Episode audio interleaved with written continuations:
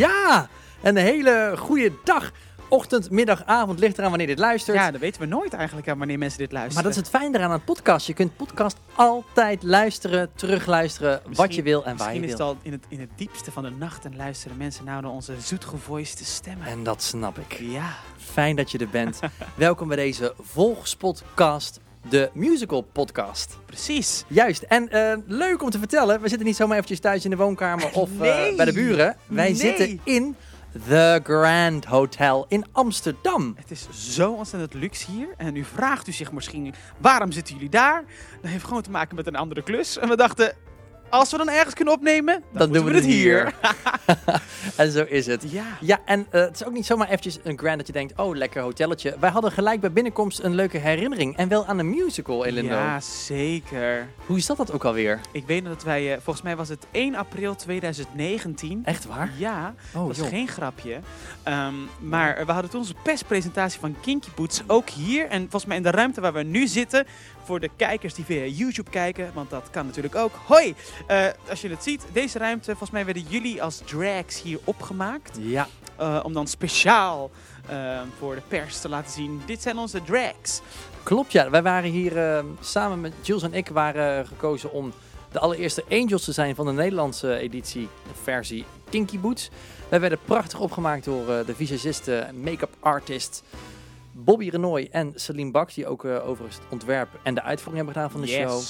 En het gebeurde allemaal hier in deze kamer. En nu zitten wij dus hier live. Het Deze is rond. podcast. Twee jaar later zitten we hier weer. Twee jaar later zitten Ja, we het hier is al gewoon meer weer. dan twee jaar. Het is al mei inmiddels. Het vliegt voorbij. Het vliegt echt voorbij, hè? Ja, maar wel zo fijn om deze herinnering te hebben. En met jullie te delen nu. En het was ook zo, het was een hele leuke en bijzondere dag. Omdat zeker zo'n perspresentatie, dan, daar sta je toch een soort van in van... Oh, straks gaat het beginnen. Weet je, we gaan straks gaan we... Ja, het is- Want we, nou goed, de perspresentatie was in april en... We beginnen pas in, de- in repeteren in september ongeveer. Dus er zitten nog heel veel maanden tussen. En dan is dan het eerste moment dat je zo kan proeven van... "Ah, Dit is de cast. Dan kom je voor de allereerste keer samen. En dan voel je van... Oh, we gaan dit avontuur samen aan. Ja, ik heb er alleen maar warme gevoelens ja aan. absoluut, absoluut. Ja. En het is ook zo fijn dat, dat Kinky Boots ook zo een unieke show was eh, om in te mogen staan. Mhm. Er zijn natuurlijk een hele hoop shows die allemaal iets speciaals uitdragen. Maar Kinky Boots was wel een, eh, een unieke daarvan. ja, vind ik ook. Ben jij ook zomaar in Kinky Boots gerold? Of heb je daar ook nog eh, iets voor moeten doen? Nou ja, ik, als ik het dus over warme gevoelens heb, ja, heb ik hele warme gevoelens aan Kinky Boots. Maar als ik dan terugdenk aan eh, hoe ben ik eigenlijk aan Kinky Boots gekomen, dan heb ik daar veel minder warme gevoelens aan. Maar dat brengt mij eigenlijk wel op, eh, op hetgene wat, wat ik eigenlijk al heel de week een beetje mee zit. Wat, wat is er ja, deze ik- week gaande? Ja, ik heb toch een beetje hoge nood. En ik denk, eh, Echt dat- waar? Ja, het is, ik, ik heb een hele hoge Gooi het nood. erin.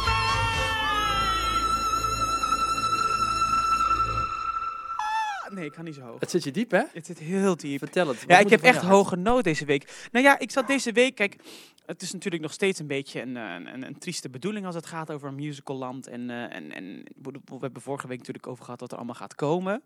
Ehm, maar ik dacht eigenlijk deze week zo na van, oh ja, wat doe je dan nu? Ja, je bent nu wel, een- er zijn wel wat audities en zo, dus is auditie doen hier en daar. En Ja, toen dacht ik van.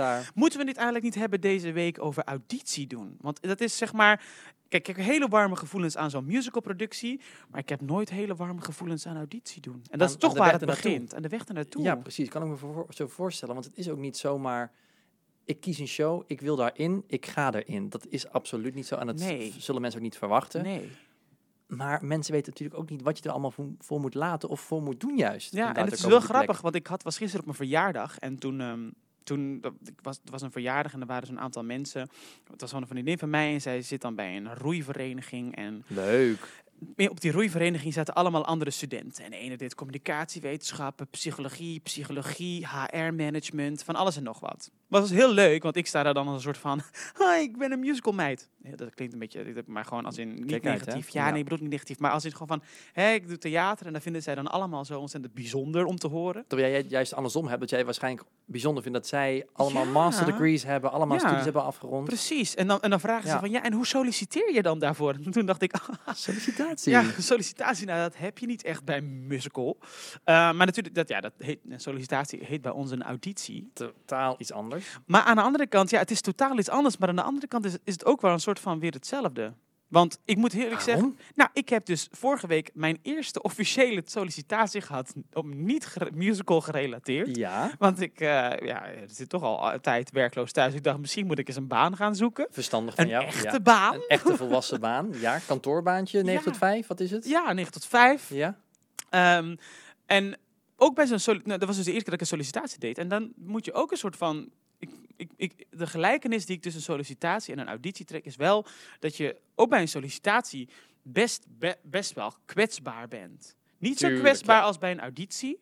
Want bij een auditie, ik moet moet zeggen, als je iets moet zingen of spelen of dansen, dan, dan sta je echt bijna in je naki. Bij een sollicitatie is dat niet. Ehm, maar wat ik fijn vond aan de sollicitatie, is dat ik soort van. Ik, ik wist natuurlijk niet precies wat ze exact zochten. Ik zag wel de vacature en zo. Maar ik, ik, ik had nog wel het gevoel dat ik erover kon praten. Dat ik me zeg maar soort van kon lullen naar wat zij graag wilden horen. ja, maar dat is toch ook wel een beetje sollicitatie eigen?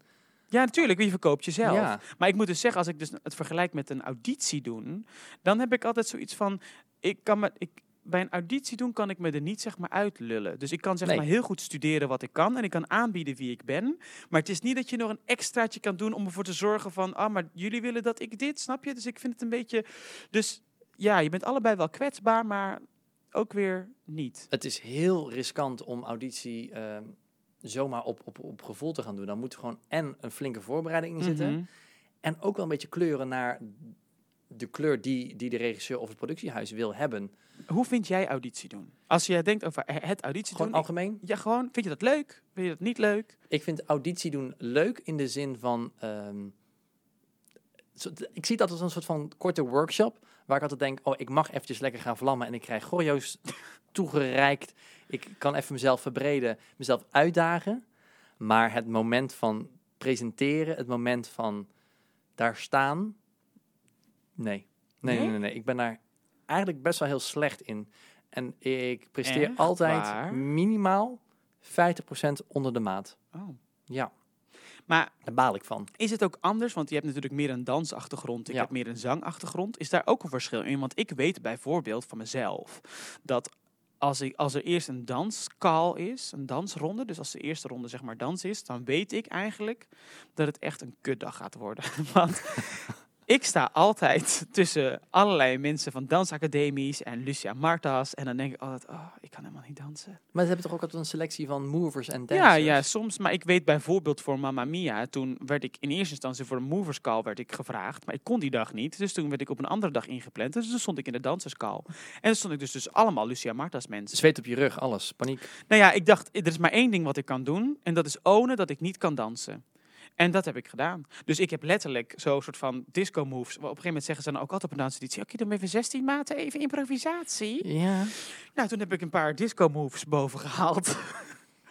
en, eh, maar Want je echt- dacht dat dat past in de show. Nee, helemaal niet. Maar ik dacht, ik, ik, ik, ik heb geen, ik, ik weet het niet. Ik weet niet wat ik anders moet doen. Ik kan, en ik zag allemaal andere mensen splitsprongen en in een spagaat vallen en ik. been in hun nek. Ja. En ik dacht bij mezelf, ja sorry, ik kan dat niet. Dus ik heb echt een soort van woep, woep, woep, woep, zo staan dansen. En daar moesten ze wel heel hard om lachen.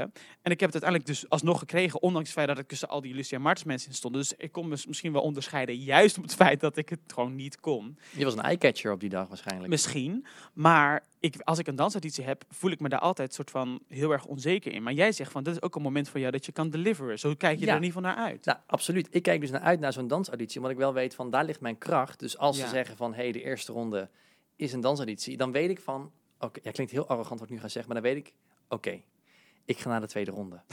ja, dat, klinkt heel Echt, heftig. denk je dat? Nou, ik ben echt wel musical geschoold ook. Dus als mensen ook zeggen, oké, wat is je stijl? Dan zeg ik toch altijd wel, ja, jazz, musical jazz. Ja. En tap en, en partnering. Commercieel R&B, eh, dat ken ik allemaal niet zo heel goed. Dat own ik niet. Maar ik own wel jazz en ik own wel tap. En dat is wel wat natuurlijk een vereiste is voor musical. Dus ik heb Ja. nu heel specifiek over een bepaald genre. Eh, waarbij natuurlijk ook heel veel musicals wel andere genres hebben. Mhm. Kijk, gaan we Hamilton doen. Dan sta ik natuurlijk ook eh, binnen 10 minuten sta ik buiten op de stoep. ik ga niet liegen. Maar dan kan ik het wel ownen, omdat ik dan weet van, Ja. dit is mijn comfortzone. Is het andersom, als ik weet van de eerste ronde is zang, nou, dan weet ik, ik ja, die, die dansronde ga ik nooit doen. En dan baal ik extra hard, want dan weet ik van, oké, dit is niet mijn kracht. Maar ik moet die tweede ronde halen, dat ik daar weer kan laten zien dat daar mijn kracht ligt. Maar ja, het is altijd maar net per productie verschillend. Maar het is wel grappig, want ik kan bijvoorbeeld, ik, als ik moet zeggen waar ligt je kracht, dan zeg ik oké, bij zingen. Mijn kracht? Nee, mijn kracht. Oh, ik wou zeggen. Maar ik heb dus daar waar jouw kracht dus dansen is en jij denkt van oh die eerste ronde, dat, of, eh, die dansronde, die own ik, ik ga door naar de tweede. Ik denk altijd, al moet ik als eerste beginnen met zingen, denk ik niet bij mezelf, nou dit, eh, dit is een kat in het bakje. Omdat ik ergens op een of andere manier dan toch, ja, ik weet het niet. Eh, Ik bedoel, ja, ik kan al die noten allemaal wel zingen, maar het, het voelt toch heel vaak ook als soort van, ja, ik weet niet. Misschien dat het Ik snap dat- wat je bedoelt, maar ik weet, ik weet denk ik waar het aan ligt. Oké, Als jij moet zingen, moet je natuurlijk in je eentje zingen. Ja. Dus dat is pittig, dat Ja. is heftig. En dan komt al de focus op jou te liggen. Bij een auditie, eh, voor een dansauditie, sta je altijd in kleine groepjes. Ofwel tien, ofwel vijf, ofwel drie. Ja. Maar eigenlijk nooit, is mij nog nooit overkomen, ooit een keer twee, maar nooit in mijn... E ik lieg. ik weet, ik wil nou net zeggen, ik weet Ik dat jij heb vorig jaar een- een auditie hebt gehad, dat jij in je eentje tussen... Dat is wel waar, vertel ik zo meteen nog. Maar normaliter, weet je natuurlijk, sta je in groepen en heb je zoiets van...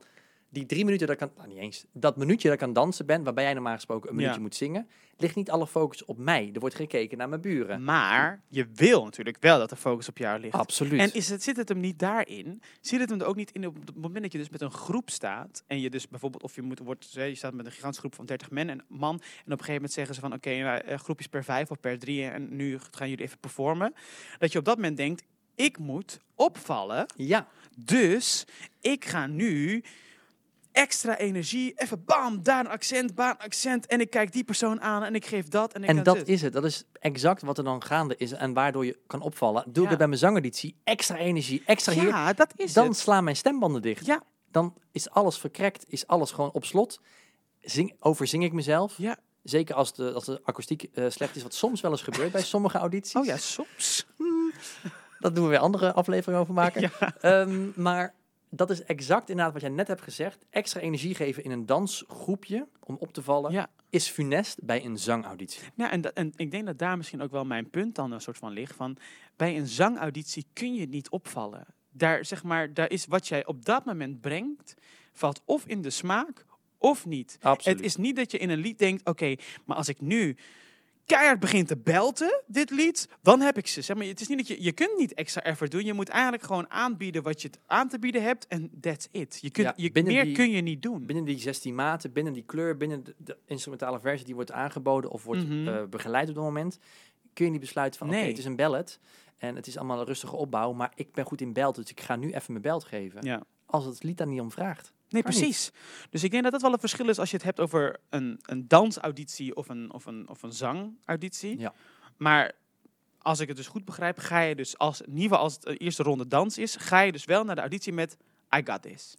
Zeker. Nou heb ik even he- twee hele korte anekdotes die ik even wil vertellen dan daarbij. Deel het met ons. Deel Ja. het met ons. Want ik zeg net heel goed, eh, de eerste ronde dans weet ik gewoon, die, die own ik en ik ben door.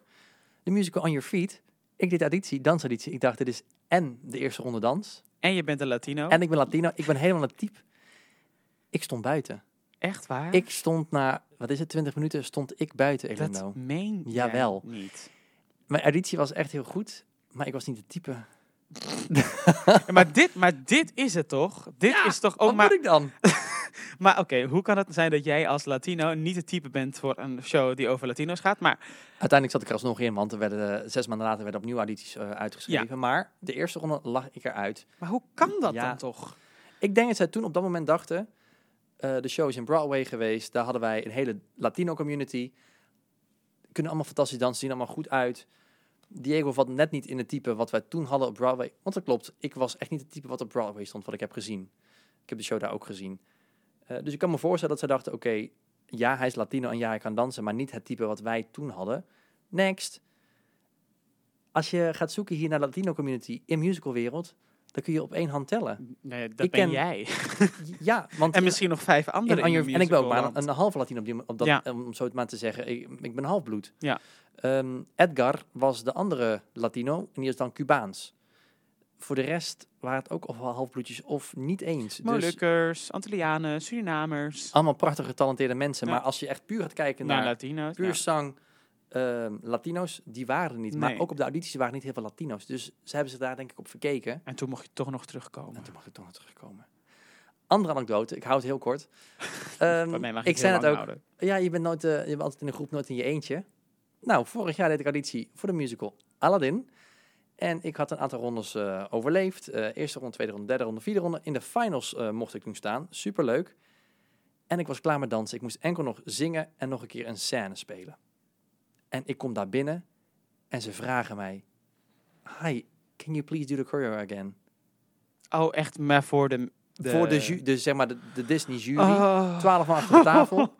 Dat de goeie- is de- toch De vreselijk. regisseur komt naar me toe en hij zegt gewoon... Yeah, I was wondering, is it okay for you if you uh, could do it just in this costume you're, what you're wearing right now to do the choreo once again? En ja, wat, dan ga je natuurlijk niet zeggen nee. Nee, dat wil ik niet. Nee, ik kan wil alleen niet. maar dansen als er de rest van de groep erbij is. Dus ik zo, yes, of course, yeah, no problem. En ik dacht alleen maar, Ah. In mijn eentje, in een jeans. Ik weet niet wat ik toen aan had, maar in ieder geval niet een comfortabele nee, het broek. was eigenlijk voor een zangauditie dacht je van Exact. even mooi gekleed. En twaalf mensen die naar je kijken. En toen dacht ik, oké, dit is een nieuwe ervaring. Dit, dit is exact niet wat ik normaal gesproken ervaren Ja. bij een dansauditie. Waarbij je denkt, de focus ligt bij meerdere mensen. Het is Ja. nu puur en alleen bij mij. Iedere stap wordt gezien. Dus dat was wel echt een heftige ervaring. Ja, dat snap ik heel goed. Nou, ik, moet, ik, ik, ik heb eigenlijk, wat ik eigenlijk persoonlijk altijd merk bij audities, als ik een rol of een bepaalde show heel graag wil doen, krijg ik het nooit. Huh? Ik heb nog nooit iets gekregen wat ik echt heel graag wilde. Huh? Hoe kan dat? Word, word, word je zenuwachtig? Ik weet niet. Extra- en misschien, dat, extra- misschien dat mensen of die, die misschien naar deze podcast luisteren en die zelf ook in dit vak zitten, dat, zich, dat die zich daarin kunnen herkennen. Maar ik ben daarover gaan nadenken en ik heb voor mezelf een soort van analyse gemaakt. En mijn analyse is dat op het moment dat ik iets heel graag wil, dan sta ik daar in een soort van, jullie moeten mij nemen. Jullie, ik ben precies wat jullie zoeken. Kijk maar, kijk, dit ben ik. Ik pas helemaal in dat plaatje. Ja, dus je En dan eigenlijk in een, in een format drukken. Ja, en dan word ik heel geforceerd, denk ik. En dan wordt het helemaal niet prettig om naar te kijken. En dan word, krijg ik nooit. En alle dingen die ik kreeg, maar dat geldt ook gewoon iedere auditie of casting die ik ooit heb gedaan. Alles waarvan ik dacht van, ah ja, ik zie wel, ik ga er gewoon naartoe. En ehm, Ja. Ik hoef het niet per se, want ik zit nog op school. Dus als ik het niet krijg, dan heb ik dit. Of nee, ik hoef het niet per se, want ik heb ook nog die productie. Of ik hoef het niet per se, want anders verleng ik mijn contract Kan hier. ik me voorstellen. En dan sta ik daar kennelijk op de een of andere manier heel nonchi. Zo van, oh, ik zie wel gewoon wat ik doe. En dan, eh, die- die dingen krijg ik. En dan heb je het ineens. Maar dan heb je het over de rol of echt over de show? Als in dat je echt sommige shows wil hebben en niet krijgt? Of Ja, sommige rollen? Nou, het begon bij mij, ik denk dat ehm, mijn allereerste auditie was voor The Lion King. Ja. En ik heb op school gezeten. Nou ja, ik ben een donkere jongen. Ik was de enige donkere jongen op school. Eh, in ieder geval op muziektheater. En ehm, ja, nou, dan als je naar musicals kijkt, wat je dan als, hè, wat, welke rollen zou je kunnen spelen? Nou, Simba. Wilde ik ook heel graag. Ik dacht, ja, dat is echt een rol voor Dat is nou echt een rol voor mij. Kon dat heel goed zingen. Zei mijn zangdocent ook tegen mij. Dit is helemaal iets voor jou. Ik denk, The Lion King komt. Ik denk, dit is mijn Dit moment. En ik ga auditie doen en ik dacht, ik- je moest een lied zingen. Ik dacht, nou, ik ga niet zomaar een lied zingen. Ik, zie gewoon, ik zing gewoon het lied van Simba, want ik kan dat zingen. Ik ben de persoon die jullie moeten hebben. En vervolgens sta ik daar en ik sta buiten en ik krijg te horen, ja. Nee, je staat eh, down the line. En niemand had er ooit van gehoord. Down the line. Ja, daar heeft nog, nog nooit iemand van gehoord. dus ik vroeg ook van, oh, wat betekent dat? Toen zei ze van, ja, ehm, als, we, als we zeg maar in een later in het proces nog iemand nodig hebben, dan eh, bellen we jou. Ook niet on hold dus. Nee, down the line. Dus ik sta eigenlijk stond ik soort Hmm. van als je zeg maar de lijst hebt van mensen die wel door zijn. Stond dan aan de je achterkant? Een stre- ja, ze streeft eronder en daar stond ik dan. Zeiden zij. Maar toen zei ik eigenlijk van, maar wat eigenlijk betekent dat ik dus nu gewoon ben afgewezen. Maar mochten jullie ergens bij een cast wisselen of iets, dan word ik gebeld. Ja, dat is het. Oh, Om weer auditie te komen doen. Ja. Ja. Oh, oké. Dus toen was, ik, toen was het in één keer klaar. En ehm, toen dacht ik, oh, oh oké, maar dit is mijn droomrol. Dus toen heb ik nog eens een keer auditie gedaan in Duitsland. En nog een keer in Nederland. En nog een keer. En iedere keer werd het het niet. En iedere keer stond ik daar van, ik ben Simba. Dit is wat ik kan. Ik ben een donkere jongen, dus dit is wat ik moet doen. Dit is een van de weinige rollen die ik als donkere jongen kan spelen. Dus ik moet dit wel... Nou, dan sta ik daar gewoon, gewoon helemaal kennelijk niet helemaal lekker nonchi. En ik ging bijvoorbeeld naar de auditie van Mamma Mia, daar ging ik heen. Met de instelling van, oh ja, ik had ook, was ook al aangenomen voor 40, 45. Dus ik dacht, dan heb ik dat. Ik kon ook nog de tour van de Color Purple doen. Dus ik dacht, nou, als Zo ik als ik, als, ik, als ik het krijg, is het leuk, want ik zou graag bij stage willen werken. Maar ehm, als het niet zo is, dan is het ook, dan is het ook oké. En dat heb ik gekregen. Ik wil nog even, even terug naar wat je net zei. Want jij zei bij je auditie van Simba nog. neem mij, want eh, ik ben een donkere jongen en dit zijn een van de weinige rollen die ik zou kunnen spelen. Daar heb ik nooit over nagedacht. Maar dat moet, je, dat moet jou toch ook een druk hebben gegeven. Ja. Los van de show of de zangpartij en de scènes.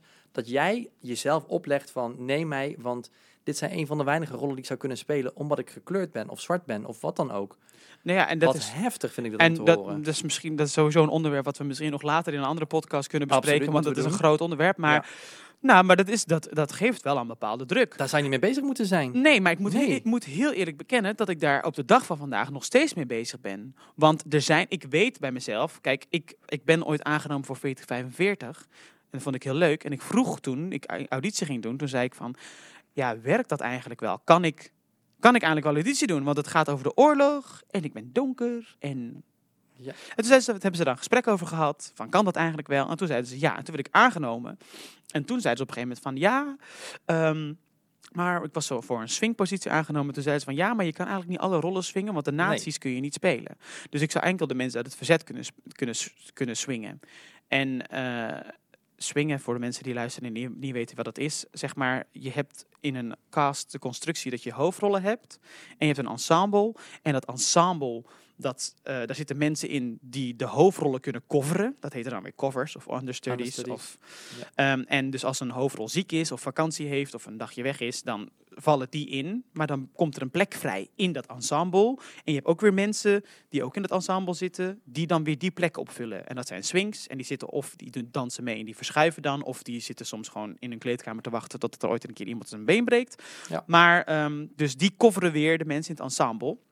En ik kon maar zeven rollen van de vijftien coveren Ja, om, omdat je een kleur hebt. omdat ik een kleur had. Dus eh, toen, zei, toen moest ik kiezen tussen 40, 45 of Mamma Mia. Dus toen zei ik van, nou dan ga ik liever voor Mamma Mia. Want eh, daar heb ik veel meer aan. Want heb ik een coverpositie van een hoofdrol en bla bla. Dus, dan, dus dat was allemaal prima.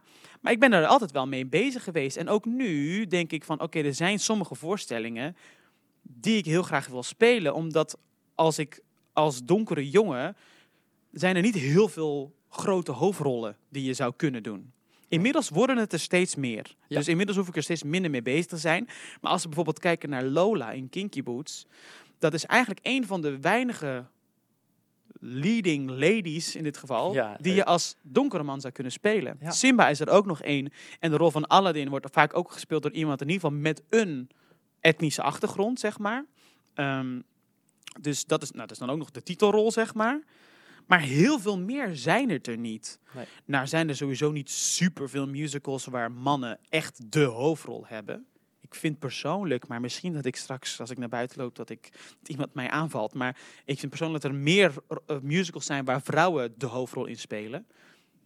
Ben je het er met me eens? Mm, daar moet ik even over nadenken. Denk er even over na. Ja, ga ik even over nadenken. Vind ik wel een goeie. Maar laten we dan ook uh, colorblind casting dat ook nog een keertje. Ik schrijf het nu even op. ja, opgeschreven. Mensen die op YouTube kijken denken, wat de fuck is hij aan het doen? Uh, en dan gaan we dat zeker nog uh, bespreken. Ja, maar, het is, het is, maar, maar jij bent er dus nooit mee bezig. Jij, bent nooit, jij denkt altijd van... Je vindt toch wel van jezelf dat je een bepaald type bent... en dus in een bepaalde show... Je had toch van jezelf verwacht... on your feet komt... Absoluut. Hier, dit is, dit is mijn kans. Ik dacht direct toen ik binnenliep van... jongens, waarom kan ik tekenen? En is er extra catering aanwezig in mijn contract? Dat is het enige maar ook waar met ik Aladdin, was. dan denk je toch ook... dit is een show waar ik in Ja, pas. Als Ja, ja, ja, ja, ja. toch jongen met een, met een andere culturele achtergrond. Ja. Maar ik ben, ik ben wel heel blij dat er natuurlijk nu steeds meer mogelijkheden komen voor andere rollen. Dat het niet meer zo heel erg meer uitmaakt. Dat het zelfs kennelijk kan dat bijvoorbeeld op Broadway dat de rol van Olaf in Frozen door een vrouw gespeeld wordt. Dus Ja, dat ook daar... Nou ja, ik bedoel, ik zou heel graag Elphaba of, eh, of Elsa willen Ik spelen. kom voor, uh, voor Elsa. Uh, het lijkt me enig, maar... Ja, maar los van dit allemaal... Het, mag natuurlijk ook niet ontbreken aan talent. Dus ik zeg wel, ah, ik had echt verwacht dat ik snel in die show zat. Kijk, Ja. als ik me niet goed genoeg ben, dan ben ik niet goed genoeg. Nee. Dus dan moet ik ook wel eerlijk zeggen. Het kan ook zomaar zijn, los van het type dat ik misschien Mhm. in mijn ogen wel ben en in de ogen van een kast en de watcher niet. Ik moet ook gewoon wel mijn auditie nelen. Ja, dat is waar. Je moet wel, je moet wel deliveren. Ik bedoel, je kunt Exact. niet... Maar dat is denk ik ook wel... eh, mijn vriendin die is net afgestudeerd. En die is nu ook met audities bezig. En ik zeg ook heel vaak tegen haar van... je voorbereiding is altijd het halve werk. Ja, Als je goed voorbereid bent, als je weet wat je staat te doen, als je een keuze hebt gemaakt, als je een scène moet spelen en je weet ik ga daarheen lopen of ik ga zus en ik zeg dit hier en op deze manier. Het is misschien niet altijd de beste keuze en zal een regisseur zeggen van oh nee, dit moet je anders doen, maar als je maar voorbereid bent en je, je kunt soort van beargumenteren waarom je een bepaalde keuze hebt gemaakt, dan ben je al een heel end. ja absoluut mee. Dan komt het inderdaad nog vaak voor dat het gaat over je bent het type niet. Wanneer ben je het type wel, zeg maar. En of je bent misschien niet goed genoeg, kan nog steeds. Je kan je heel goed hebben voorbereid, maar nog steeds niet goed genoeg zijn. Kan ook. Maar je voorbereiding is wel, is wel key. En wat er natuurlijk ook nog bij komt kijken, in, in ieder geval in mijn geval, ik weet niet of het voor jou is. Als ik auditie doe en ik heb me voorbereid, heb je natuurlijk een plannetje 100%. Tijdens de auditie verdwijnt er minimaal 20%. of misschien wel 50% van de spanning en de zenuwen. Dus dan heb ik ideeën in mijn hoofd. Ik heb alles gerepeteerd. Heb ik alles gewoon uitgedacht. Ook beargumenteerd voor mezelf. Nou, ik wil deze keuze gaan maken. En het gebeurt gewoon. Nee. Maar het is ook wel gewoon zo, hè, denk ik. Dat je. En het is ook niet. Dat is ook wat ik soms denk van. De, volgens mij verwacht zo'n jury. Ik ga even hoesten, want mijn stem begint heel raar te klinken nu. Nou, dankjewel. Volgens mij verwacht zo'n jury niet dat je op 100% presteert. Dat kan toch niet? Is er iemand die 100% presteert in een auditie? Ja, ik ken wel wat mensen. die- Echt ja, waar? die bij auditie, audities eigenlijk nog beter vlammen dan tijdens de show. Het klinkt misschien heel kut als ik het nu zeg. Oh my god. Maar bij een, audit, bij, een, bij een show zeg maar gewoon deliveren voor zeven shows in de week. Ik heb mijn plekje, ja. mijn merkjes. Ik sta op mijn goede plek in mijn lampje en ik zing de juiste noten. Mhm. Maar bij een auditie toch echt die extra jeu geven. De juiste timing hebben. Ik wil namen. Nou ja, ik weet gewoon dat Anouk Maas bijvoorbeeld... Ja. is een collega bij mij geweest bij Beauty and the Beast. Ik weet van haar, ook van haar eigen verhalen. Maar zij vindt het en heel leuk om te auditeren. En ze is er ook heel goed in. Oh, wat Zij komt ook altijd terug uit, uit de auditieruimte met... Ja, dit ging goed. En dan denk ik... Oh. Ik ben blij voor jou dat je dit zegt tegen jezelf, over Ja. jezelf. Ik heb nog nooit tegen mezelf gezegd, zo, jongens, ik heb hem. Ik heb altijd gezegd van, nou, het ging wel goed. En ik deed wat ik wilde doen. Ja, Je dekt jezelf ook altijd een beetje in. Want je hebt wel zoiets van, ja, zag je Absoluut. niet straks dat ik het heb gekregen, dan eh, krijg ik het niet. Absoluut. Maar ja, er zijn dus echt mensen die, die naar buiten kunnen komen en zeggen, ja, dit was wat ik wilde en ik heb het gedaan. En goed, en de rollen krijgen. Nou ja, dan zeg ik alleen maar chapeau. Dan kan ik het alleen maar toejuichen. Ja. Dat jij en goed voorbereid bent en dat ik kan deliveren op het moment. Ja, daar kan ik alleen maar van leren, van zulke mensen dan. Hoe bereid jij je voor op een auditie? Danstechnisch, want dat is dan wel mijn specialiteit. Precies niks, behalve stretchen. Want je krijgt natuurlijk de, de choreografie aangeleerd op de, op de dag zelf. Dus niet, het is niet dat jij, als je hoort van, oké, het is een musical met een beetje deze stijl, ik ga even YouTube-filmpjes kijken om een beetje... Je vertrouwt echt op hetgene wat je al Ik luister de muziek, dat wel. Ik luister altijd de muziek om ook soort Ja. van te weten of er accenten zijn in de muziek die we zouden kunnen gaan pakken, momenten. Ook omdat je natuurlijk die, die eh 16 tellen voor jezelf hebben. Eventjes een eh, lekker paar postjes bedenken alvast. Post, post, post. Ehm, maar verder kan er niet heel veel aan voorbereid worden. Plus, er zijn ook best wel vaak audities die eh, niet altijd muziek gebruiken uit de show. Bijvoorbeeld Ja. bij Mamma Mia kregen wij, en ik ken dat nummer niet meer Jawel, als ik het hoor, dan krijg ik alweer kippenvel op mijn rug. Laten we hem eventjes doen. 5, 6, 7, 8. Eh, maar die hadden dus geen muziek eh, bij de auditie gebruikt uit de show. Ja, dus dan ga je er helemaal blanco in. Ja. En dan gaat het echt puur om, om je talent en om je, wat, je, wat je op dat moment laat zien. Zangtechnisch, eh, acting-wise, ac- acteren Mhm, wise. Eh, ja, is het gewoon puur tekst studeren. Dat je blind de tekst kan hebben, zodat ook de regisseur op dat moment, of regisseus op dat moment, nog eh, aanwijzingen kan geven aan jou. Ja, en zangtechnisch is het gewoon helemaal kapot te repeteren en zingen, zingen, zingen, zingen.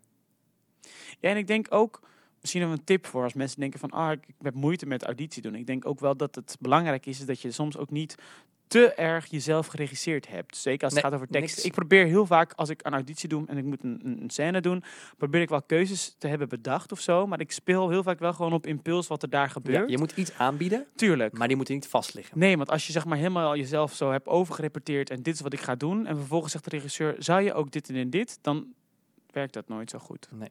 En dat is wel dat ik denk van ja, je moet, je moet, je moet je goed voorbereid zijn, maar je moet ook altijd erop voorbereid zijn dat alles wat je hebt bedacht aan de kant geschoven wordt. En dat er wordt gezegd en denken van oké, wil je hetzelfde doen, maar wil je dat dan op zijn kop en dan dit, zeg maar, met, Als een kipfilet. nou ja, regisseurs of mensen die zo achter een tafel zitten, die, die, die proberen je ook altijd wel ergens soort van uit te dagen om te kijken van hoe ver kunnen we met je gaan. En Wat is er allemaal mogelijk? Ben je regisseerbaar? Precies. Ja. Ik heb ooit een, eh, een, een, een, een, een casting workshop gekregen van Ralf Schedler. Dat is de hoofdcasting director bij Stage Entertainment Duitsland. Oh ja, ja. En eh, hij vertelde, en dat was iets wat ik, waar ik heel erg van schrok. Hij vertelde dat eh, zij als castingteam in de eerste vijf seconden al weten of ze iemand gaan eh, doorlaten naar Wat? de volgende ronde of niet. Hè? Dus En je kan ik- hoeven alleen maar binnen te lopen en weer om te draaien. En ik dacht toen bij mezelf, oh, fuck. Want Wat ik kom meestal tijd. naar binnen en dan zie ik al die mensen nog praten. En dan denk ik altijd, oei, ik laat ze wel even met rust. Dan loop ik eerst naar de pianist, geef ik mijn bladmuziek af. En dan, en dan en- en- totdat ik een soort van... En hij zei dus, dat is het allerslechtste wat je moet doen. Want vanaf het moment dat jij binnen mag komen, is het, gaat jouw tijd in. Dus op het moment dat, hij, dat mijn vijf seconden zijn, als, ze hebben mij niet eens gezien in die eerste vijf seconden. Dus waarom zouden ze mij dan doorlaten? Terwijl als je de deur open doet en je oont de kamer en zegt, hallo, hier ben ik. En niet zo van, en nu, maar wel een soort van, dat je de aandacht naar je toe trekt. en je Altijd bent doen, gewoon ja. jezelf. Dan, dat zijn dus de eerste vijf seconden waarin zij denken, wat een leuke verschijning. Want ze zien hoe je eruit ziet en je hebt je best gedaan om er zo leuk mogelijk uit te zien. Wat een open uitstraling of wat een arrogante zak, kan ook, weet je niet. Maar op die dingen rekenen ze je dan dus kennelijk af. En je neemt je plek in. Dat Ja. is denk ik gewoon wat je ook moet doen. Want het Ja. is letterlijk, wat je daar straks zei, eh, own the stage. Dat, dat doe je nou ook letterlijk in zo'n Ja. auditiezaal. Ik doe het altijd. Het is me niet altijd even gelukt, want ik heb niet alle rollen gekregen die ik wilde. Maar ik doe het wel altijd precies wat je net zegt. Ik doe de deur open en ik zeg altijd, hi, hallo, of hi guys, hi, dit, eh, ik ben Diego. Ja. Ik ga altijd eerst even staan en dan laat ik hun leiden om te zeggen van, what are you gonna sing for us? Of, wat ga je voor ons zingen? Want ik doe ook wel gewoon auditie Ja? in Nederlands. Dat doe ik ook wel. Ehm, dat laat ik echt aan hun leiden. En ik ga niet dan al de keuze maken van, oh, ik ga vast maar gewoon aan de pianist, want dan heeft hij mijn Nou ja, dat is wel iets echt wat, ik gele- wat ik dus geleerd heb Ja, door zo'n door zo'n training. Dat ik dacht, oh.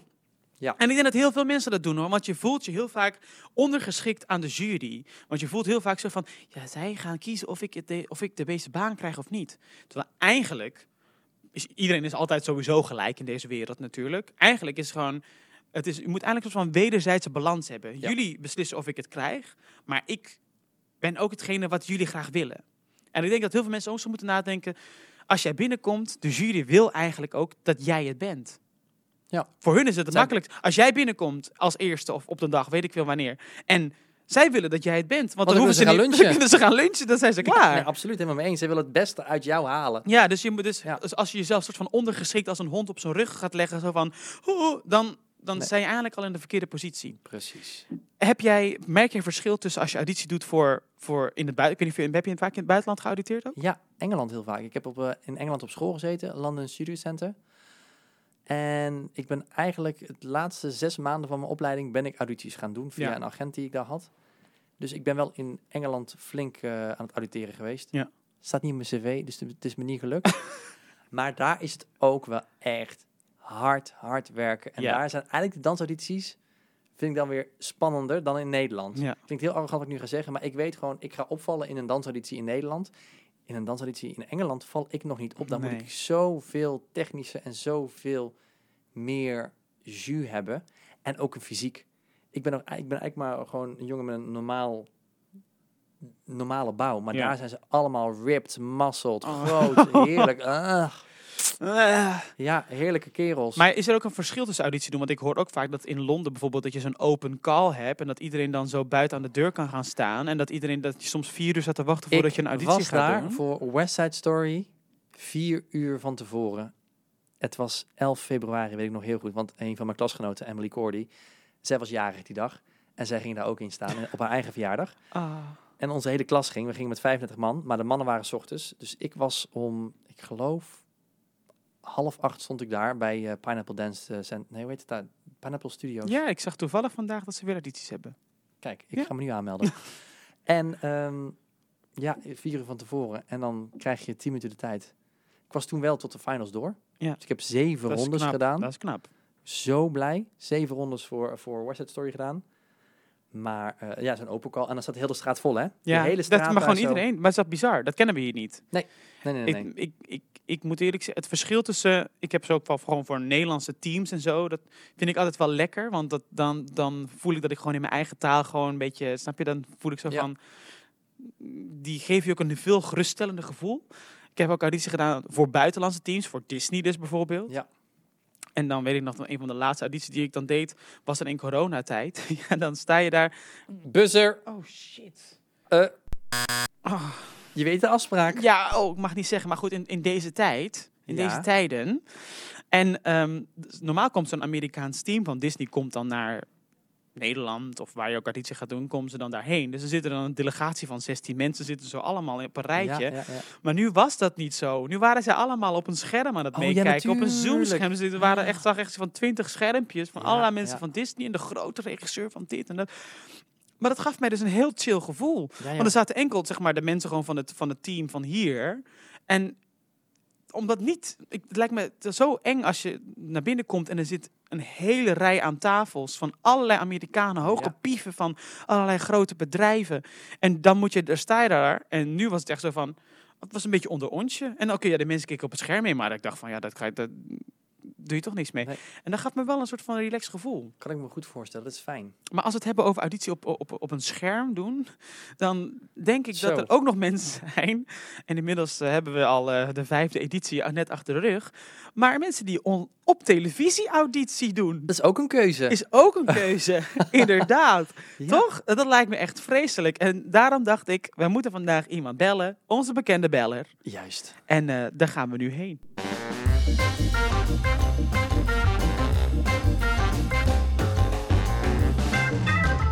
bekende beller! Ja, en met wie gaan we vandaag bellen, Diego? Vertel het eens. Nou ja, ik hoop dat ze opneemt. Eh, ze is een eh, bekende in het musicalvak. Ze is ook bekend met auditeren, want ja, dat hoort er gewoon eh, hartstikke bij als je in het musicalvak wil. En zij heeft verschillende shows, musicals op haar naam staan, zoals Mamma Mia. En daar kennen wij haar eh, natuurlijk ook van. Maar we kennen haar eigenlijk ook hartstikke van onze opleiding. In Tilburg hebben we gewoon eh, bij elkaar op school gezeten. En mm, ze is ook te zien in tv-series, films. Deze meid is hartstikke triple threat, waar we het vorige week al over hadden. Triple threat, zang, dans en spel. Ze kan het allemaal. En zij is niemand minder dan Jolijn Henneman. Ik hoop dat ze opneemt. Het zou wel gezellig zijn. Ja, daar is ze! Jawel! Ja, je ziet naar mijn gigantische kop. Wacht, ik draai even een beetje het scherm. Ben ik nu live? Ja, daar is ze. Live in de uitzending, Jolien! Hallo, knappe Hey, vrouw. hoi. Ja, Jolijn, wat fijn dat je onze bekende beller vandaag bent.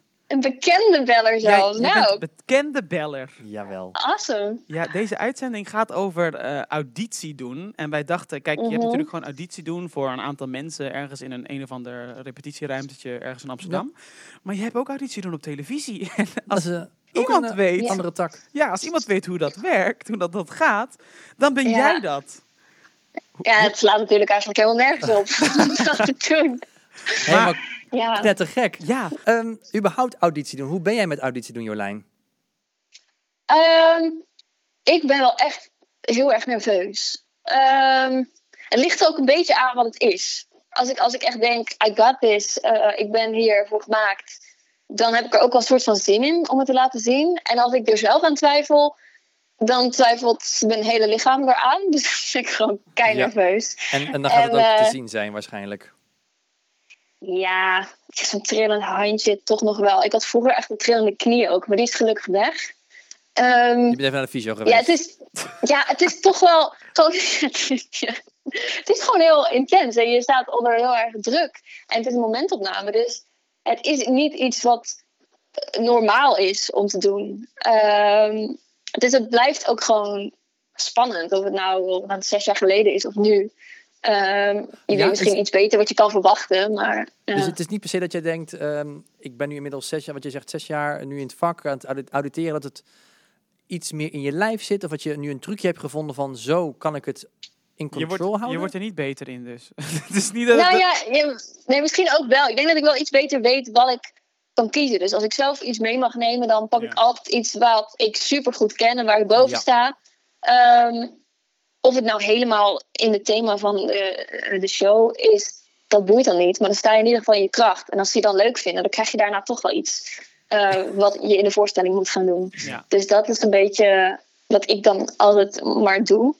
Ehm, ja, word je, be- ja, je, leert je gewoon goed voor te bereiden. En dat is wel echt het allerbelangrijkste. Ehm, want het is zo kak als je nog daar zit en je, moet, je zit nog over de tekst na te denken. Dat is allemaal ruis. Dus je moet proberen zoveel mogelijk van dat soort dingen weg te halen. Eh, een beetje open deur, maar Ja. Nee, ja dat helpt dan toch wel. Maar Diego die vertelde dus net dat, dat hij vaak, omdat hij vaak eerst een dansauditie moet doen, eh, dat hij dan, dat hij dan eigenlijk ingaat van, oké, I got this. Ehm, heb je ook zoiets van, oké, eh, of heb je ook audities gehad waarvan je dacht, oké, I got this? Of heb, je, of, of heb je toch iedere auditie weer dat je denkt, oh nee, vreselijk. Ehm, nee, ja, soms wel. Als ik gewoon denk van ik ben hier, ik ben hier geschikt voor en ik, ik kan dit, dan denk ik nog steeds niet van I got this. Maar dan kan ik in ieder geval wel het zo goed mogelijk doen zoals ik het kan doen. En voor de rest Ja. heb ik toch niks in de hand. Eh, of je het dan wordt of niet. Maar dan kun je in ieder geval jezelf niks verwijten. Dus dat. En dan kun je het ook beter handelen als je het niet wordt. Dan, dan hoef je niet jezelf tegen je hoofd te slaan en te zeggen: Ah man, had ik maar dit gedaan of had Ja. ik maar dit gedaan. Dan is het gewoon wat het is. En dan kan ik het in ieder geval, ik kan het dan beter ook loslaten. En dan denk ik: Oké, nou, en door. Ja. Eh, maar ja, dat op tv, dat was natuurlijk wel next, next level. Laten we het daar eens even over hebben, inderdaad. Precies. ja. Want ehm, hoe is dat überhaupt gekomen? Dat, dat, ik heb begrepen dat daar allereerst wel een, een live auditie vooraf is gekomen in een studio. Voordat jullie ja, drie echt- rondes zelfs. Vertel, hoe, hoe, hoe ging dat even kort? Eh, nou ja, de eerste ronde was. Eh, er zaten al wel heel veel mensen te kijken en het werd al wel gefilmd. Eh, dus je voelde wel pressure is on. En ik, ik vond de eerste ronde vooral heel spannend. Want ik dacht zelf dat het wel iets voor mij zou kunnen zijn. En dan hoop je ook heel erg dat zij dat dan zien. Maar ik ging echt heel erg twijfelen aan mezelf op de een of andere manier. Ehm, en de tweede ronde was eh, spel en dans. Super moeilijk ook, dat je ook denkt. Oh. We hebben alleen maar staptik gedaan uiteindelijk. Maar eh, ehm, het was echt met twerken en allemaal gekkigheid. Oh my god, echt iets voor Ehm, Maria. Ja, echt iets voor, voor de Gekke meid. Maria. Ja. En dan de derde ronde was een soort van, een soort van showcase van jezelf. Eh, ehm, ja, dus we hebben echt al wel veel moeten laten zien van onszelf voordat we überhaupt in die live shows kwamen. En ik moet wel zeggen dat die eerste ronde, dat voelde echt als een auditie.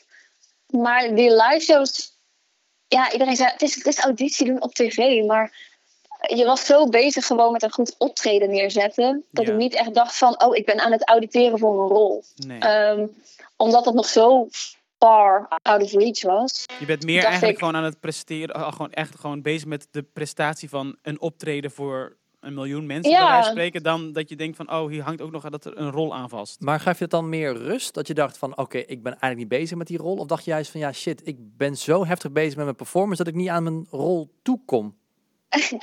dat. Gelukkig meer. Want er komt, er komen heel, heel veel andere dingen bij Ja. kijken. En je hebt Ja. heel korte tijd om het te repeteren. Je krijgt op maandag een nummer wat je dan zondag live moet zingen voor Nederland. Oké, weet Ja, je wel? Meestal Ehm, repeteer je een paar weken voor een auditie. maar- Ja. Ik bedoel, al die, al die nummers van The Sound of Music, die had ik wel lekker kunnen zingen, maar dat, dat mocht niet. Ehm, dus, eh, nee, en dan krijg je een popnummer. En dan dacht ik ook van, ja, dan ga ik het ook gewoon... Ik weet niet, die rol was zo far out of reach, dat ik gewoon nog elke week ga ik gewoon het beste van mezelf laten zien. Ehm, en ik ga het ook niet allemaal de hele tijd kleuren naar de rol. Nee. Want waarschijnlijk is een grote kans dat ik het niet krijg. Nou, ik heb het ook niet gekregen. En dan heb ik in ieder geval ehm, laten zien wie ik ben als performer. En ehm, uiteindelijk denk ik dat dat meer oplevert dan dat ik heel erg geforceerd Maria probeerde te Ja. zijn. Want ik denk ook dat mensen dat daardoor heen prikken. Ja. En dat men het uiteindelijk ook. Ik heb heel veel leuke reacties gekregen. ehm, dat mensen dus mij als persoon en performer tof vonden. En dat, dat, dat vond ik echt heel fijn. Want dat is super spannend. Want het is voor de eerste keer dat je daar staat als jezelf. Ja. Ehm, heel kwetsbaar. Word je ook nog meteen afgemacht door zo'n jury. Ja, Er zit geen publiek. Nee, Ehm, geen is steun, heel gek. ouders die mee kunnen om achteraf even een, eh, een Nee. schouderklopje te geven of even een eh schouder te Ja. huilen. En je hebt je nummer gedaan. En vaak als je bijvoorbeeld een auditie doet, dan nou, je doet je ding en je gaat naar buiten. En dan kun je eerst zelf even nadenken van, Ja. ging het eigenlijk? En wat vond ik er zelf van? En dat kon nu niet. Dus je, je kreeg Ja. applaus. En ehm, dan stond je meteen voor die vier mensen die er iets van vonden. Terwijl je zelf nog niet wist hoe het eigenlijk was gegaan. En dat was heel raar. En als je dan daarna op je telefoon kreeg, kreeg je heel veel leuke lieve berichten. En dacht ik, oh ja, oké, zie je wel, het klopte wel. Ik heb het, het ging Dus wel je goed. nog Eh, aan het was, performen was, was jij nog aan het, aan het uithijgen, aan, het, aan naar die finish aan het rennen. En rende je gewoon kaart tegen een, een muur op met feedback. Direct. ja, ja. God, En dat ja. is, eh, nou, de ene week was het wel goed en de andere week was het was pittig. En ehm, ze waren best wel streng voor mij. Ehm, which is fine. Ik bedoel, eh, ik heb er geen trauma aan overgehouden. Maar het is, dat is wel, eh, dat is best pittig. Ja, eerlijk is eerlijk. En, ja. en hoe ben je zelf omgegaan met, met, want heb je ook negatieve reacties gekregen? Want je hebt eigenlijk dus buiten dat je dus een jury hebt die daar commentaar op je geeft. Zit er eigenlijk dus ook nog Ja. een jury van een miljoen mensen thuis op de bank die ook iets van jouw optreden vinden of ook iets ervan vinden dat jij Maria wil worden. Hoe ben je daarmee omgegaan? Ehm, nou, ik vond dat dus eigenlijk wel meevallen. Ik heb niet op Twitter gekeken, want volgens mij zijn mensen daar het gemeenst. Ja, dus dat heb ik überhaupt gewoon verwijderd. Daar moet je ook niet naar kijken, nee. Nee, ja, moet je dan ook, ja, snap je, lekker doen mensen. Ja. Eh, ga er zelf staan, denk ik dan. Ja. Ehm, en voor de rest, eh, mensen die mij eh, iets hebben laten weten, die waren allemaal heel positief. Er is niemand die mij persoonlijk heeft laten weten, wat ben je slecht. Waar ben je mee Ehm, bezig? Nee, en ik vond ook überhaupt, ja, mensen hadden wel een favoriet, maar ik vond niet dat iedereen werd afgebrand Nee, verder echt op nee, social media. Dus ehm, dat, dat vond ik echt nog wel, dat vond ik wel meevallen eigenlijk. Ik, ik heb daar eigenlijk heel veel eh, steun uit gehaald, Ja. uit iedereen. Want omdat er geen publiek zit, snap je? Je moet Mhm. het alleen maar hebben van die socials. En ja, daar was iedereen heel lief. Dus dat, dat viel wel weer mee. Dus hoe Nou. kijk je er nu op, eh, op terug eigenlijk, achteraf nu? Ehm, het was intens. Hm. Ook omdat ik het moest combineren met opnames van Misfit. Ja. Dus ik was eigenlijk... Ja, het was gewoon eigenlijk. Maar je gaat door. Ehm, dus dat... Ik, ik, was wel echt oververmoeid en echt gestrest. En ik was ook een paar kilo afgevallen. Het is niet per se goed voor een mens om zoveel weken onder Nee. that amount of stress te staan. Maar ik heb er wel heel veel van geleerd. Eh, en ben er wel zekerder over, gewonnen, eh, over geworden. En ik ben dus heel benieuwd. Ik heb, komende week heb ik weer een aantal audities. Of ik nou relaxer dan ben. Dat vroeg ik me eigenlijk ook af, inderdaad. Hoe- omdat hoe ik dit nu heb gedaan. Ja. Ja. Ik heb zelf nu het gevoel van, oh man, als je, ik heb dat overleefd. Ja, boeien. Dan kan ik ook wel in een, in een zaal voor vijf mensen een liedje zingen. Ja. Ik hoop dat dat klopt. Ik weet het niet. Ik, ga Ik hoop dat ook heel erg voor je. Nou Jolijn, eh, heb je misschien nog een laatste, misschien dat er nog een aantal mensen of eh, jongeren aan het luisteren zijn die denken van, oh ja, ik heb ook binnenkort een auditie. Misschien is het maar voor een amateur musical productie of voor een professionele pr- productie. Heb je misschien nog een, een goede tip voor luisteraars als het gaat over auditie doen? Ehm, nou ja, wat het gewoon een beetje het logische ding is, is echt zorg gewoon dat je het heel erg goed kent. En daar maak ik ook nog steeds wel een fout in dat ik denk, oh ja, dat komt wel goed. En dan zit ik daar denk ik, Man, ik had het beter toch al iets eerder begonnen. ja, Ehm, dus don't be like me. Daar bereid ik het heel goed voor. Ehm, en wat mij wel eens helpt, is het van tevoren al een keer zingen voor iemand. oh ja, wat eng is en, onge- en ongemakkelijk. Ja, Ja, Maar dan- leuk. Dan ben je er al een beetje doorheen of zo. Dan is het niet allemaal, komt het niet allemaal direct op je af. En ja, wat ik dus wel ga proberen, eh, ook voor mezelf, is om het ook meer als een optreden te zien. Want het is eigenlijk, je doet het omdat je het leuk vindt en Ja. omdat je het tof vindt om op te treden. Dus dat is iets wat ik zelf wil proberen. Gewoon te denken, oh ja, probeer te genieten van het feit dat je Ja, daar staat en dat er een pianist is die met je speelt en dat de mensen naar je kijken en luisteren. gratis publiek. Eh, dat vind ik een hele goede tip. Ja. Die ga ik zelf ook ja, meenemen. misschien Ja. weet ik veel. een soort mindset. Ehm, Perfect, Jolijn. Dat. Dat vind ik een hele goeie. Ja, nou lekker. Nou, eh, lieve schat, eh, ik hoop eh, dat je die eh, rollen binnen gaat slepen de komende paar weken. Wij zitten op rij 1 hoor. Ja, sowieso. fijn, fijn. ik ga mijn best doen. Ja, komt helemaal goed. Nou, dankjewel dat je even met ons in de studio wilde zijn. Ja. Superleuk. Je was onze allereerste bekende beller. Man, I feel so honored. Nee, lieve schat, Nou ja. het ga je goed vandaag. eh studeer ze nog. En, ehm, Yes. nou ja, dankjewel, dankjewel, dankjewel. Superleuk. Ja, thanks dat ik de gast mocht zijn en heel Ja, veel succes met deze podcast. Ik, ga, eh, ik ben helemaal into de podcast, dus ik ga dit zeker... eh, Hey. Dan heb je heel Terug wat afleveringen luisteren. meer om te kunnen luisteren. We hebben Superleuk. een luisteraar bij. Dankjewel, Yes. lieverd. Tot snel, Ben. schattie. doei! Doei, doei. Ah, ik vind het altijd zo leuk met Jolijn. Het leuke is misschien voor de luisteraars om te weten dat eh, Jolijn speelde eh, Sophie in Mamma Mia. Ja. En zowel Diego en ik waren eh, cover Sky. Dus eh, We hebben allebei mogen tongen met Jolijn. ja, hoe vond je dat? Dat vond ik echt heel fijn. Nee, oprecht, los van de- het grapje wat ik er nu van maak. Het was en heel fijn met Jolijn om überhaupt met haar samen te spelen. Sowieso, 100%. En zij is altijd in het moment. Dus zij gaf mij zoveel ruimte. En ze hielp me ook hoor. Want natuurlijk die eerste keer. Ja, ga dan maar eens even nadenken. Waar sta je? Ja. Hoe, hoe, kom je over? Het Natuurlijk, is- je repeteert je helemaal suf. Maar net als bij auditie, die Mhm. spanning, die doet iets met je. En je gaat gewoon 20% minder presteren. Tenminste, ik. Dus Jolijn die heeft mij door die hele show heen Bij mij gesleurd. ook, de eerste keer. Ja. Maar echt een schat. En het was echt zo leuk om haar fiancé te Ja. spelen. En ze kan goed zoenen. En ze kan heel goed zoenen. Dus dat, dat is eh, in dit geval eh, geen eh, roddel meer. Dat is gewoon een feit. zij, is, zij is een goede zoener. Maar als we het hebben over een roddel. Ja? Ik heb wel iets anders gehoord. Huh? Hey, heb jij het al gehoord? heb jij het al gehoord?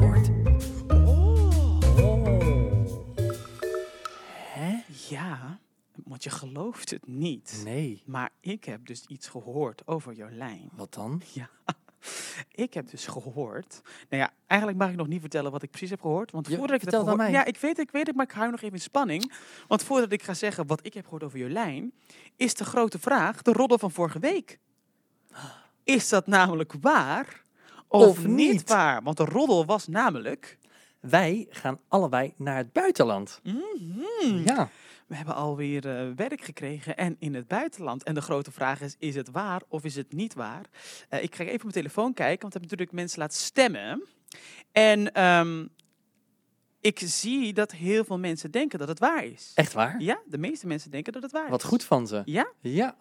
maar Diego, vertel het ons, verlos ons. Is deze roddel waar of niet? Deze roddel is niet waar. Ah, Nee. We gaan niet naar het buitenland. Nee, we gaan niet naar het buitenland.